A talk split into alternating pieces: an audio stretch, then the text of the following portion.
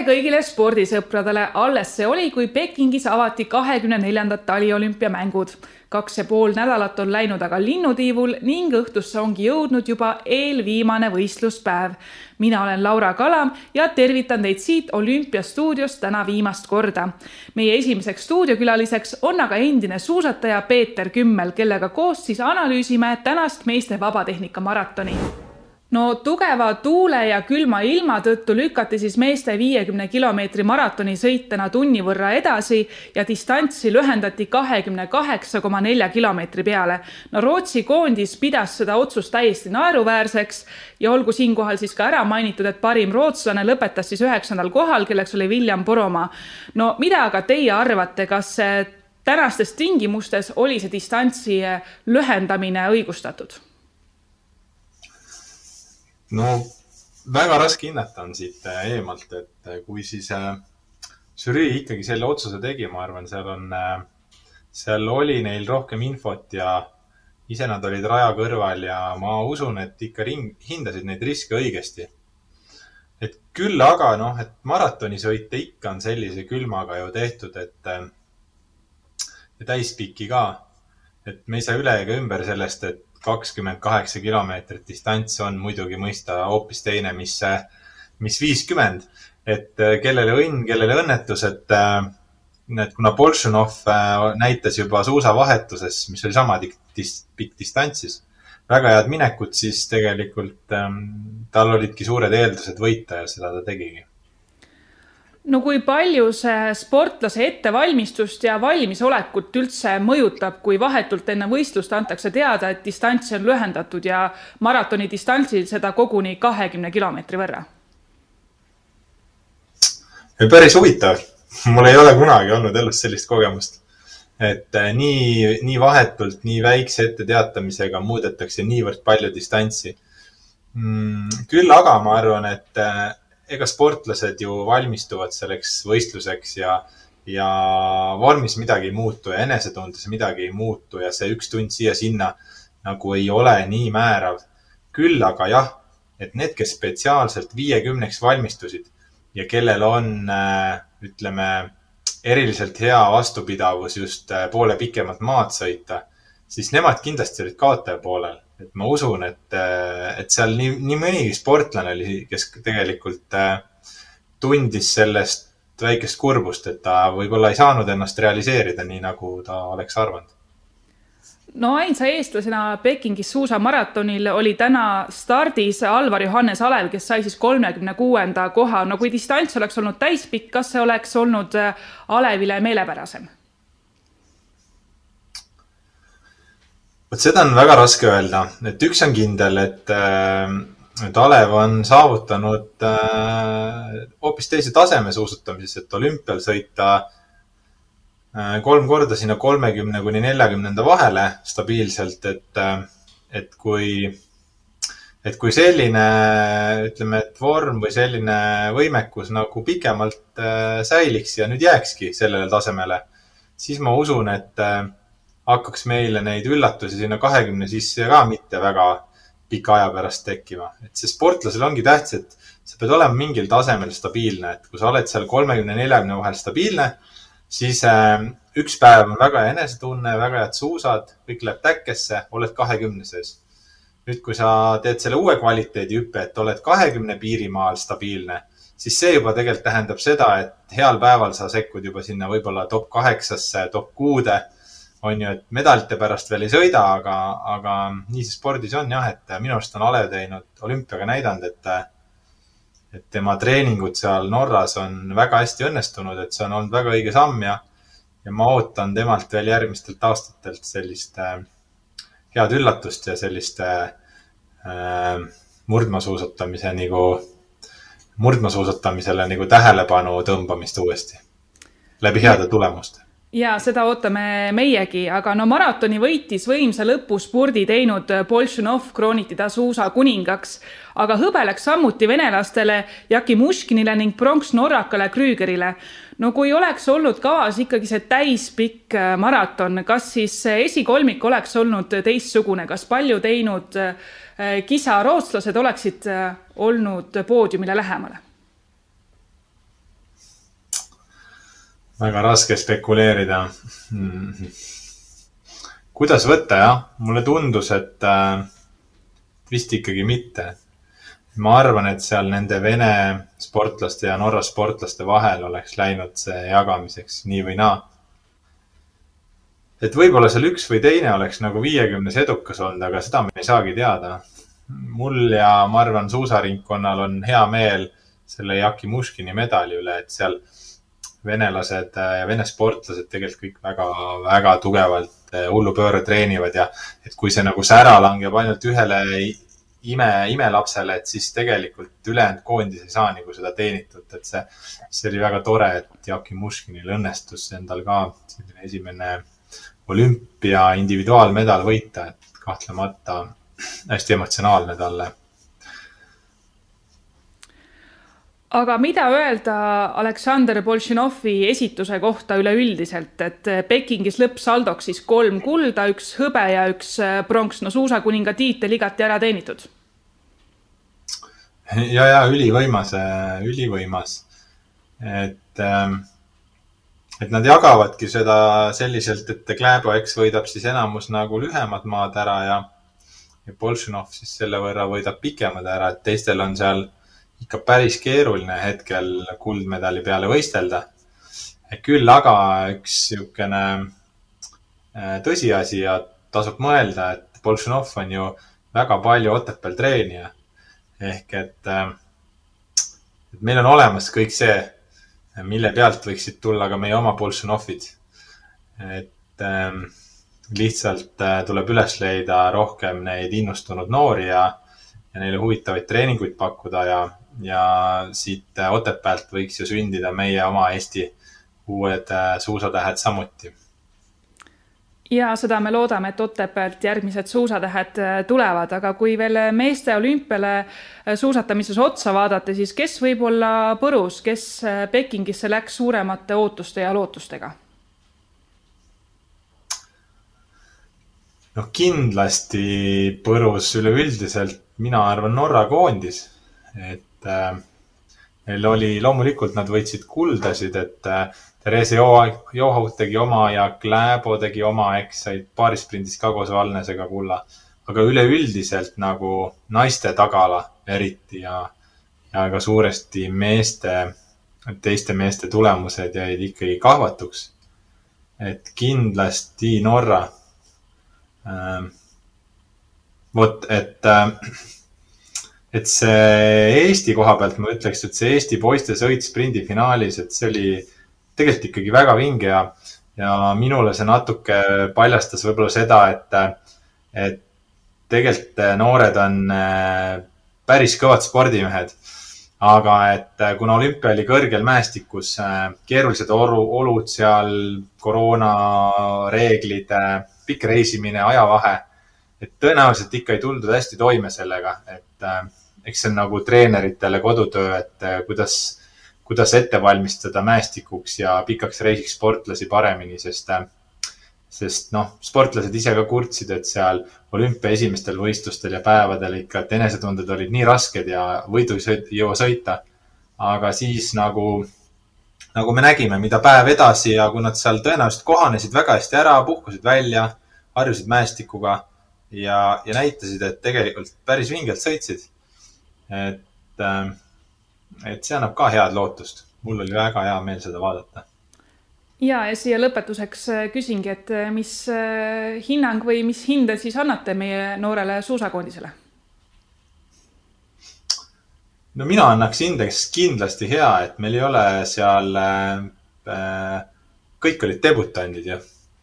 et äh, ja teiseks ei ole seal meil selliseid tituleeritud noori ka ja ja mitmed nendest suusatajatest ju tegelikult on veel noorte, noorte seal vanuseklassides, et nemad lähevad alles omaealiste tiitlivõistlustele nüüd. et ma pigem hoiaks äh, nendele Keidile ja Kaidi Kaasikule pöialt, et seal omaealiste maailmameistrivõistlustel, et, äh, et tuleksid sellised äh, Eesti mõistes, ütleme, et harukordselt head tulemused, et et neil on selleks väga hea võime ja põhi olemas ja et mäestikust nüüd äh, said pika nagu mäestiku siukse laagri olümpia näol ja, ja ma arvan, et, et oodata on ja meie kindlasti hoiame meie noortele suusatajatele pöialt. no aitäh, Peeter, et leidsid täna aega meiega siin stuudios natukene suusajuttu puhuda, et soovin teile jõudu ja jaksu ja aitäh. ja suusajuttu alati, teile ka jõudu aga saate teises pooles ei vaata me mitte otsa sportlikele tulemustele, vaid oleme stuudiosse kutsunud meie andeka fotograafi Kiur Kaasiku, kes meid siis viimastel nädalatel Pekingist on oma imeliste fotodega meid rõõmustanud. no sinu jaoks on see ju esimene olümpia, kestab see vaid nii ka kaks pool nädalat, kuid mitu kuud varem sa juba Eestis ettevalmistusi selleks tegema hakkasid? noh, kuskil kuus kuud tagasi ma sain teada, et üldse on, on on mul äh, siia olümpiale tulek. et enne seda ma ei osanud selleks äh, teadlikult küll valmistuda, aga, aga võib-olla, võib-olla ettevalmistused hakkasid juba, juba mitu aastat tagasi, et äh, senikaua, kui ma olen spordiüritusi pildistanud, et, et küllap senikaua, senikaua on ka ettevalmistused selleks olümpiaks, selleks olümpiaks siis ka toimunud aga selle viimase kuue kuu jooksul, kui sa said teada, et äh, sina nüüd lähed, kas siis hakkas selline intensiivsem ettevalmistus ka kuidagi pihta? No ütleme nii, et, et kindlasti ma hakkasin palju rohkem äh, mõtlema selle peale, et kust ma saaksin sporti pildistada ja et jälgisin, mida erinevad äh, spordifotograafid teevad ja, ja mõtlesin selle peale, et kuidas siin logistika toimib ja noh, kuna ma varem ei ole käinud, siis ma ilmselt muretsesin kõige selle pärast palju rohkem kui äh, keskmine fotograaf, kes siin kohapeal on. no kui palju erineb olümpiamängudel pildistamine võib-olla mõnest teisest Euroopa tasemel võistlusest, et kas seal on rohkem piiranguid, kas ei saa päris nii lähedale või kuidas see eluolu teil seal täpsemalt on? jah, noh, kuna, äh, kuna see on mu esimene olümpia, siis mul ei ole võrdlusmomenti, äh, kuidas äh, asjad tavaliselt olümpial on. nii palju ma võin öelda, et praegusel koroonaaja olümpial on päris ikka, päris keeruline. väga piiratud võimalused on, et kui ma võrdlen näiteks, kui ma nüüd käisin mõned kuud tagasi Anett Kontaveiti Mehhikos Guadalajaras pildistamas, et, et samamoodi koroonaaeg aga seal oli palju, ütleme, lihtsam, oli võimalik sportlasele lähemale saada, oli äh, platsi ääres paremaid positsioone. aga siin on, ütleme, niisuguses koroona, koroona vaimus on, on väga palju piiranguid peale pandud, on väga konkreetsed positsioonid, väga raske on sportlasele ligi pääseda. et, äh, et äh, jah, ma ei oska võrrelda seda teiste olümpiamängudega, aga mulle tundub, et see koroona annab sellele veel punk-, ütleme annab lisa, lisapiiranguid on juures, et päris keeruline on, on siin ütleme, ägedaid pilte teha. nagu sa enne mainisid, siis sellest hetkest, kui sa said teada, et sul on Pekingisse minek, hakkasid sa rohkem siin Eestis kätt harjutama ja spordivõistlustel pildistamas käima. aga no kõiki spordialasid siin Eestis ju ei harrastata, et kas oli ka mingi spordiala, mida sa alles esimest korda olümpial olles pildistasid ja kuidas siis äh, selleks ettevalmistus käib, kui sa tead, et see tähtis olümpiastart on tulekul ja sa pead õigel ajal selle õige klõpsu ära tegema jaa, äh, neid alasid oli õige mitu, mida ma varem pildistanud ei ole, et äh, kiiruisutamist ma ei ole varem pildistanud, suusahüppeid ma ei ole varem pildistanud. kuidas ma nendeks valmistusin? kui aus olla, siis siin eelnevalt noh, väga palju ma ei osanudki nendeks valmistuda, mis ma tegin, ma olen uurinud lihtsalt väga palju, mida erinevad, erinevad tunnustatud fotograafid on teinud, et millist, missuguseid nurki on nemad kasutanud ja missuguseid tehnikaid on kasutanud, aga, aga sellest kõigest oli võib-olla natukene vähe kasu, sest et, et väga palju sellest, missuguseid pilte ma teha saan, sõltub sellest, milline on siin staadionil kohapeal logistika, et, et mida see foto ülemus on otsustanud, et kus, kus, millisel positsioonil on minul võimalik olla. et paremad positsioonid on jaotatud ikkagi suurematele fotoagentuuridele, et nende, nende kohtade peale on, on meil, eestlastel näiteks keeruline saada. et noh, need on ka need sageli positsioonid, kus on paremaid pilte võimalik saada, noh. ja sinna on siis, sinna, sinna, sinna meil nagu sageli asja ei ole. Aga millist spordiala on siis kõige keerukam pildistada? Need spordialad, mis on väga kiire tempoga. nagu ma enne juba mainisin, et kiiruisutamine ja suusahüpped, needsamad spordialad, mida ma ka varem ei ole pildistanud. et Eh, nende tegevus toimub niivõrd lühikese aja jooksul, just nimelt Martin Liiv, tuhat meetrit, mida ma eile käisin pildistamas. see on eh, üsna lühikene aeg, ainult kaks ringi. Et nüüd tekib, fotograafil tekibki niisugune nagu kaalutlesi, kaalutlemise koht, et, et, et kui, kui palju ma nüüd riskima hakkan, et ma, ma saan ära teha kindla peale pildid, kas ma teen kaks ringi kindla peale pilte või, või nagu mina, mida mina eile tegin, et ma tegin ühe ringi, tegin kindla peale pilte, ühe ringi ma siis ütleme, üritasin teha võib-olla natuke teistsuguseid pilte ja riskida. et ähm,, et, et need alad, millel, kus on vähe aega, nendega on tõesti keeruline, niisam-, niisamuti on suusahüppega. et kui meil need suusahüppajad hüppasid, et et agentuuride inimestel, kes tegelevadki võib-olla mõne üksiku spordialaga, neil on võimalust äh, neil on pikemat aega, nad on treeningutel, nad pikka aega saavad selle ala, ala treeninguid pildistada. meie, kes siis me kajastame meie erinevate alade sportlasi. Et meil seda luksust ei ole, et sageli me lähme koha peale, me teeme pildid ära, me lähme järgmise ala juurde. ja siis ongi, et kui, kui me lähe, läksime seda suusahüppeid pildistama, siis meil ongi see üks, üks hüpe või kaks hüpet, kus me saame teha pilti ja siis nad seal lendavad üle saja kilomeetri tunnis meist mööda ja, ja siis sa pead selle pildi kätte saama. ja, aga no alati tahaks ju seda natuke huvitavamat pilti ka teha, et sa teed kindla peale pildi ära, aga tahaks midagi natuke huvitavamat ka teha. Et kui see ala on hästi lühikene, siis kui aega on vähe, siis jah, ütleme, et see on keeruline. et, et leida sealt neid huvitavaid nüansse. aga mis spordiala sulle võib-olla endale kõige enam pildistada meeldib? võib-olla neid mulle meeldibki kõige enam pildistada, mida on kõige raskem pildistada, et selle puhul on adrenaliin, adrenaliin laes.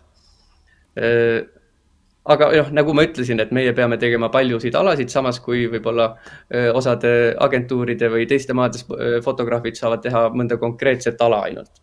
et tegelikult mulle meeldib see, et me saame teha paljusid erinevaid, palju, paljusid erinevaid alasid et, et vaheldusrik-, vaheldust on palju, erinevate inimestega saab tutvuda, erinevate sportlastega. et mulle tegelikult see vaheldus meeldib, et ma võib-olla, võib-olla, võib-olla ma ütleksin, et mulle meeldibki kõige rohkem see, et erinevaid alasid saab pildistada, jah no oleme sinu fotosid viimastel nädalatel kenasti lehtedes näinud, et aga milliste fotodega sa võib-olla ise väga rahul oled, kas sa oskad meile mõned konkreetsed välja tuua? sellega on keeruline, ma arvan, et siis, kui ma koju jõuan, siis ma jõuan ise rahulikult läbi vaadata, mida ma üldse siin teinud olen. et praegu, praegu niimoodi on keeruline, võib-olla, võib-olla jah, toon näite jälle suusahüppest, et su, suusahüpete Suuremäe siis finaal, kus meil suusahüppajad hüppasid. suusamäe siis kuskil poole peal olid olümpiarõngad lume sisse niimoodi värvitud ja nüüd, kui suusahüppaja hüppas ja nende kohalt üle lendas, siis ütleme murdosa sekundi jooksul nende prillide pealt, siis need olümpiarõngad paistsid. ja, ja mul õnnestus siis meie ühe, suusahüppaja prillide pealt siis need olümpiarõngad ära tabada.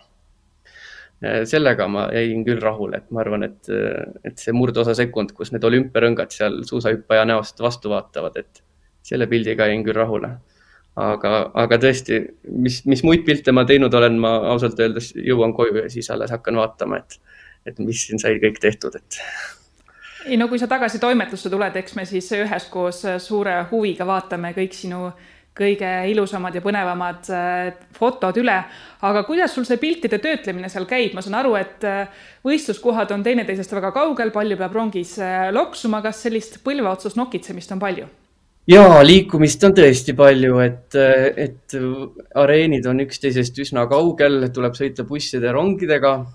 aga ütleme, nii palju me oleme endale ikkagi, võtame endale aega, et vähemalt viisteist minutit peale ala lõppu me ikkagi töötleme pildid ära, vähemalt esmase valiku, et, et see on ikkagi piisavalt oluline, oluline osa selle foto tegemise protsessist, et kui ala on läbi, siis me istume maha ja me noh, viisteist, kolmkümmend minutit vähemalt äh, tegeleme nende piltidega, vaatame need läbi, laeme üles, töötleme. et kui see on tehtud, siis liigume edasi, et seda, seda osa, seda osa ei saa vahele jätta, jah no ega te seal Hiinas elate ju ühes olümpiamullis, aga fotograafina tahaks ju pildistada ka eluolu. et eile LP-s ilmus väga tore fotoreportaaž sinult otse rongi aknast kas sa oled veel saanud võib-olla pildile jäädvustada midagi, mis otseselt spordiga seotud ei ole? ja äh, tegelikult äh, natuke kurb oli küll siia tulles avastada, et, et äh, Hiina inimeste ja päris Hiina eluga väga palju, väga palju tutvuda ei ole võimalik, et me oleme siin enda olümpiamullis ümbritsetud inimestega, kes on ainult olümpiamullis päriseluga me näeme, päriseluga me saame tutvuda ainult nii palju, kui me rongiga sõidame ja aknast näeme või siis bussiga sõidame ja bussiaknast näeme, mida teised inimesed teevad.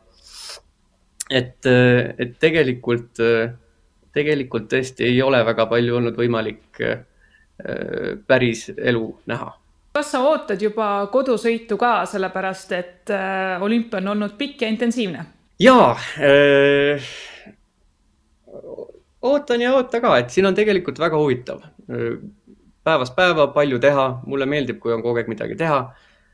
aga, aga ma tean, et kodus ootab mind tatrapuder ja ütleme, tatrapudru ma ootan küll väga palju, nii et eh, jah, ootan küll koju jõudmist no mina ei hoia sind täna rohkem kinni, ma tänan, et leidsid aega natuke rääkida meile, kuidas need imeilusad fotod sünnivad ja naudi seal siis veel viimaseid päevi. meie igal juhul ootame sind pikisilmi siia koju tagasi ja nagu ma aru saan, siis täna on ajakirjanikel teil seal noh, kuidas viisakalt öelda, üks tee joomine, et lasen sind siis ka nii-öelda väiksele peole. jah, tee ootab joomist. Teeme nii aga vaatame, mida toob siis meile homne ja ühtlasi ka viimane võistluspäev. homme hommikul saab siis kaasa elada naiste kolmekümne kilomeetri vabatehnika maratonile, kuid kellaajal hoidke silma peal, sest nagu ka täna võib heitlike ilmaolude tõttu see muutuda. kell kuus kümme hommikul lähevad meeste jäähoki kullamatšis vastamisi soomlased ja venelased kolmteist nelikümmend viis on aga kavas juba lõputseremoonia. mina siiralt tänan teid kuulamast ja vaatamast, mul oli suur rõõm siin stuudios teiega olümpiamängude jutte jagada. Teie võtke aga talvest veel viimast, minge uisutama ja suusatama ning kui me varem ei kohtu, siis kahe aasta pärast Pariisis ikka. kohtumiseni